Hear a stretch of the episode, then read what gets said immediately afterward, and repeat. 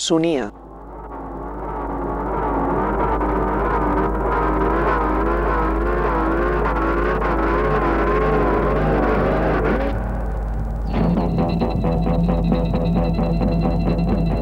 Del 14 al 16 d'octubre del 1971 va tenir lloc a Eivissa el setè congrés de l'International Council of Societies of Industrial Design, ICSID, un esdeveniment que es va concebre com a punt de confluència entre el disseny i les formes més experimentals de l'art i l'arquitectura.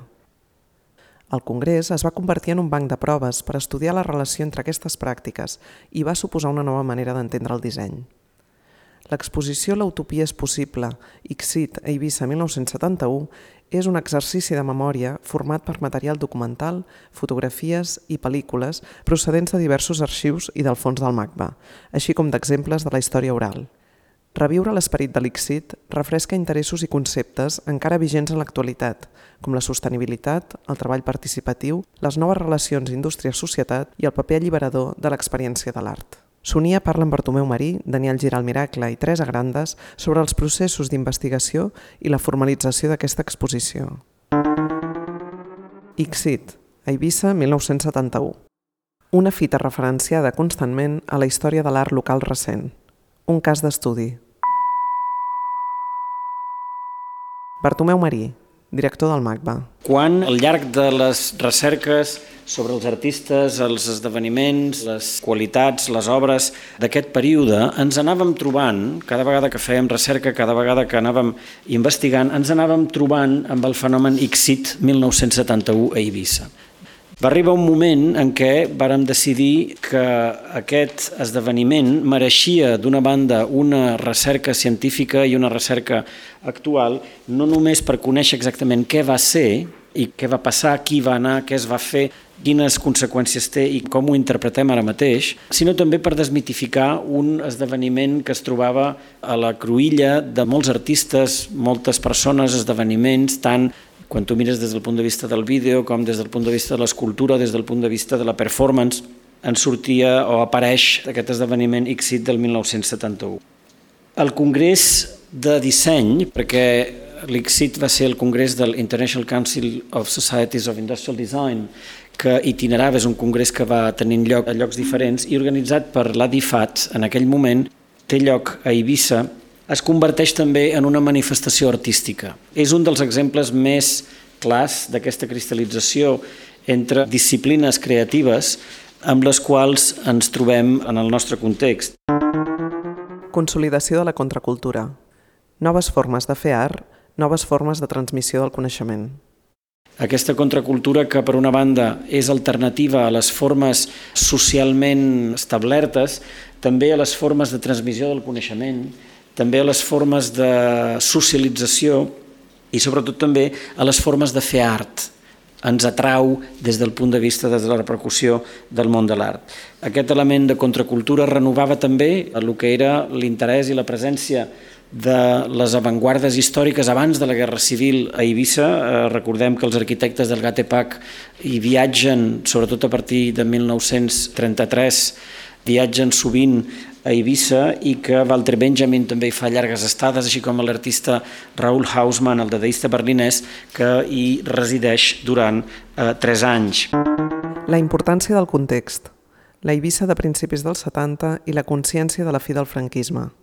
És important de veure que la crisi dels anys 70 a casa nostra es viu amb una certa eh, element d'eufòria o d'entusiasme per bé que en els anys 70 i el Congrés de l'ICSID, com ens explicarà el Daniel, significa la presa de consciència de que el franquisme s'acaba aquest és un element important perquè a partir també de principis dels anys 70 l'obra de molts dels artistes, alguns implicats en l'ICSID, però dels artistes d'avantguarda d'aquell moment, es polititza, es radicalitza políticament d'una manera molt clara. L'any 72 també té lloc eh, un altre esdeveniment que hem citat sovint en les presentacions de la col·lecció i en la historiografia de l'art contemporani en el nostre país, que són els Encuentros de Pamplona, i que repercutien també aquest esperit experimental de joc, d'experiència de l'espai públic en un context urbà. La tècnica constructiva com a instrument alliberador. Prada Pool i les arquitectures inflables. L'utopia és possible és un títol, a més, que ens ve suggerit per una manifestació d'un dels participants en aquest congrés, que era Prada Pool, arquitecte i enginyer eh, madrileny, que és el tècnic realment que fa no només que la Instant City es construeixi, perquè ell és un especialista en les construccions inflables, sinó també que s'enlairi el famós inflable de Josep Ponsatí. El títol del Prada Pool vàrem donar moltes voltes al títol i si tornàvem a repetir Congrés Ixit Ibiza 71, això era de funerària i de cop i volta, en el darrer moment, en el Prada Pool diu, com ho definiries tu? Ell és el catedràtic d'arquitectura també d'aquestes històries inflables a l'Escola d'Arquitectura de València. I realment la va encertar. L'utopia és possible o era possible. Perquè en el 71, això es produeix al Congrés, però això comença dos o tres anys abans, en el 71, que tinguéssim la gosadia en un país amb poques infraestructures, mal vist políticament, rebutjat, entrar a l'Adifat a formar part de l'Ixit ja va ser una epopeia, perquè els països que tenien dictadures no entraven en l'Ixit. Però nosaltres vam explicar que érem espanyols però d'una altra mena, catalans, vam explicar que estàvem lluitant pel procés democràtic, penseu que això és... Comencem a parlar-ne després del maig del 68, després de les caputxinades, etc etc. Sostenibilitat, participació i el paper alliberador de l'art. La ressonància del Congrés en el context actual. L'utopia és possible era un sentiment que evidentment en aquell moment es cultivava i crec que és bo de pensar com en moments tan poc utòpics com el present, on per tot arreu al món, sobretot en aquest país, es viuen els fets que s'estan vivint, podem recordar de com imaginar una altra manera de fer el món, com imaginar una altra manera d'habitar el món, com imaginar una altra manera de relacionar-nos, imaginar una altra manera de fer art, era un element necessari també per la pròpia vida. L'ambient general d'aquest congrés, a més de les repercussions que té en la història de l'art, en té en el món del disseny. I en aquest sentit, les característiques d'intercanvi, de diàleg, de col·laboració, de sostenibilitat, de solidaritat, són molt importants també i crec que el treball magnífic de recomposició de tota la documentació així ens ho deixa veure, és una exposició molt densa, molt visual i també molt auditiva.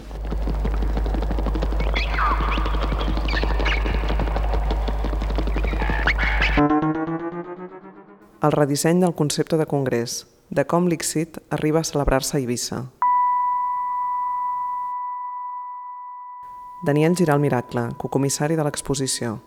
Gràcies a un home internacional, coneixedor de tot el que era l'Ixit, eh, com és l'André Ricard, aconseguim vendre la idea per impulsar el disseny en el nostre país de que es fes un congrés després del de Londres, del de Venècia i el de Moscou i el de Montreal, es fes un congrés Espanya, en principi era Espanya i no ho vam poder convèncer aquesta gent fins al Congrés de Londres que amb el disseny que veurem del Zimmerman eh, van vendre una Eivissa blava, mítica, hipiosa, lloc apartat de la península dictatorial i un lloc on els estrangers, els artistes, els músics, els fugats de les guerres hi anaven a parar i vam triar aquest escenari hi havia una altra opció, fer un vaixell com va fer el Siam, camí a la carta d'Atenes, o fer-ho en una illa. Això va caure molt bé, ho van vendre utòpicament, hipiosament, eh, innovadorament, perquè el que ens van proposar era redissenyar el concepte de disseny. Si som dissenyadors, no podem caure en aquest tòpic de la inauguració amb corbatinet, de la cerimònia amb músiques institucionals, de tota aquesta parafernàlia que acompanya els congressos. I és aquí on jo he vist la primera gran experiència de disseny, com jo entenc el disseny, que no solament és la conformació d'objectes, sinó és el plantejament de projectes i estudiar la seva resolució. I aquí implicàvem les cerimònies, els habitatges, els continguts ideològics, etc etc. La complexitat de l'experiència de l'Ixit, més enllà de l'Instant City. Els béns de la tenda de campanya, diguem-ne, i vam anar configurant la volta, els globus, els carrers, etc etc. Això amb els colors que tenia, amb el disseny que tenia, va ser una novetat internacional. Això és el que ha passat a la història. Però el que intentem explicar en aquesta exposició és que va ser moltes més coses les que van passar en aquest congrés. Conceptualment es va discutir el disseny en aquell moment, en el moment en què Espanya ja entrava en un dels plans de desenvolupament més potent, amb més diàleg internacional, encara no havíem arribat al 75, però molt més, fent venir la gent de fora podíem fer un tu a tu amb els nostres dissenyadors i la nostra manera d'entendre el disseny i els de fora. I vàrem entendre que no havíem de mirar-nos el llombriu i solament parlar del disseny, sinó que el disseny era una correlació de forces amb l'arquitectura, amb les arts, amb la celebració d'esdeveniments, en la concepció democràtica del desenvolupament de la vida a la ciutat lliure i inflable que era la Instant City. L'utopia era possible. La confluència i el diàleg entre moviments diversos. Era un punt de diàleg, perquè l'utopia era possible, de les noves propostes. Que el món vivia un establishment molt encarcarat que des d'aquí, i sortint d'una dictadura, que teníem tota l'energia del món perquè estàvem contra tot, per tant, benvingut els que venien de Califòrnia, com el Racionero, que ens va donar la idea d'Instant City i l'experiència hippiosa, però també molt benvinguts la flexibilitat de l'Antoni de Moragas i un senyor de la burgesia de Mataró, clàssic i convencional, president de l'ADIFAT en aquell moment i degà del Col·legi d'Arquitectes, que tingués la liberalitat d'entendre que aquella experiència tenia un sentit. Es van trobar els dos sectors. Trobar el sector de l'establishment, que entenia que calia canviar les coses, i el sector de la joventut contracultural, els que venien de Califòrnia, els que venien de París o que venien del Sindicat Democràtic de Barcelona, que proposaven altres formes de viure i d'entendre. Va ser un poti-poti, però jo crec que té totes les substàncies de les inquietuds d'aquell moment. La cerca del rastre de l'avantguarda catalana. Teníem consciència que seguíem la rastre de l'avantguarda catalana. És a dir, la gent del GATPAC s'havia instal·lat a Eivissa. El CERT en tenia una casa, el Gomis tenia una casa, el Prats anava a la casa d'en CERT, els Bechtols, el Bronner, els de la galeria Ivan Spencer, els de la galeria Carl van der Voort, tot això era una comunitat artística que ja vivia a nivells europeus i que produïa artísticament art contemporani en un moment en què teníem certes vacil·lacions. Convidar aquests artistes, que llavors era absolutament inèdit, jo crec que va ser el nostre encert. Va ser artistes que, essent d'aquí, ja tenien o a Amèrica o a Europa o a París la seva projecció. En resum, va ser un intent de situar Espanya, situar Catalunya, el disseny català, en l'òrbita internacional. I em vaig quedar admirat quan els suecs, quan els noruecs, quan els canadencs, el que els agradaven eren les setrilleres del Marquina, els frescons de l'André Ricard, les cadires del Tous, de cop i volta vam aconseguir fer un salt per sobre de la realitat nacional d'Espanya, que és dialogar de tu a tu a nivell internacional. I això jo crec que va ser el resultat més positiu d'aquest congrés.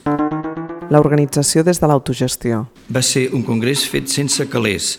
Vam demanar un crèdit als vuit membres de la Junta i alguns ens vam avalar als altres perquè en aquell moment no donaven subvencions a les institucions i perquè en aquell moment muntaven amb autofinançament i durant dos anys jo vaig viure amb l'ai al cos pensant que venceria, que m'embargarien tota la vida i que no ho podria pagar. Però mica en mica es va anar pagant perquè tot es feia en barato. És a dir, tens la pòlissa exposada on uns ens avalem als altres per poder tenir les 300.000 pessetes que per totalitzar el Congrés. Un era l'André Ricard, l'altre en Blanc, l'altre en Tous, el Ferran Freixa, el Pernes, el grup de disseny, bueno, tots els membres de la Junta. Tornem als orígens, no? L'altra és la Junta aquella, de, que on hi havia el Ràfols, on hi havia el Xavier Roberto Ventós, on hi havia l'André Ricard, que més que una junta rectora va esdevenir un taller de pensament per reflexionar sobre el que poguéssim fer.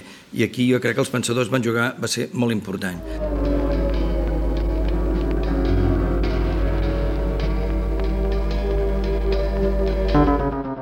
Una exposició paradigmàtica construïda únicament en material documental. Teresa Grandes, cocomissària de l'exposició. Havíem de fer una recuperació a bastants nivells. Bàsicament, és la primera vegada que fem una exposició que només és documentació. És una situació que ens trobem en el museu que és curiosa per nosaltres, perquè aquesta exposició és tot material documental. La veritat és que hem tingut molta sort perquè, tot i que l'octubre passat va fer 40 anys d'això, és cert que tenim la sort de que la majoria de les persones que hi van estar, que van participar, que van ser assistents, estan viures i a més amb unes ganes d'explicar la seva experiència i tenen molt material molts d'ells. I això ens ha facilitat poder aconseguir material documental de tota mena, des de pel·lícules, una enorme quantitat de fotografia, documents pròpiament dits, des de coses tan, diguem, pragmàtiques com els comptes, les correspondències per demanar sponsoritzacions, etc., fins a documents ja de desenvolupament de les formes de treball, etc. Més que un congrés, el disseny d'un comportament. Però si haguéssim de definir una mica que va ser l'Ixit d'Ibissa, jo diria que va ser una forma de dissenyar un comportament, més enllà de si era un comportament artístic o arquitectònic o del disseny industrial pròpiament, va ser un disseny de comportament, va ser la utilització del treball com a vehicle de comunicació i com a eina de sociabilització. Hi ha una implicació personal, una energia i una vitalitat molt gran amb tot el que va passar durant tres dies, en realitat. En molt poc temps va passar moltes coses i van passar gràcies a la implicació personal, a l'energia i a les ganes de fer i al treball de la gent. Hi ha tota mena de documentació gràfica, visual, sonora, etc. però hi ha una part que són la part oral, que ha sigut sumament important i que ha sigut l'eix central del treball d'aquests dos anys. Ens hem vist amb més de 160 persones que en van estar assistint en aquest congrés i que d'alguna manera ens han ajudat a construir aquest com puzzle que no té forma acabada, que cada vegada vas posant una peça nova i que et va donant una visió diferent del que va succeir. No hi havia un pla establert de treball, no hi havia una relació d'esdeveniments que tindrien lloc, sinó que cada dia la gent espontàniament proposava actes i proposava esdeveniments i això va fer que anessin enriquint-se i que al mateix temps succeïssin moltes coses, que és una mica el que hem intentat recollir en aquesta exposició. De totes aquestes més de 160 entrevistes que hem tingut, hem recollit una selecció de 15 que ens han semblat les persones que d'alguna manera des de diferents punts de vista podien ajudar-nos a fer com el que va ser el relat principal i a partir d'aquí anirem destriant a través dels altres documents totes les coses que van passar.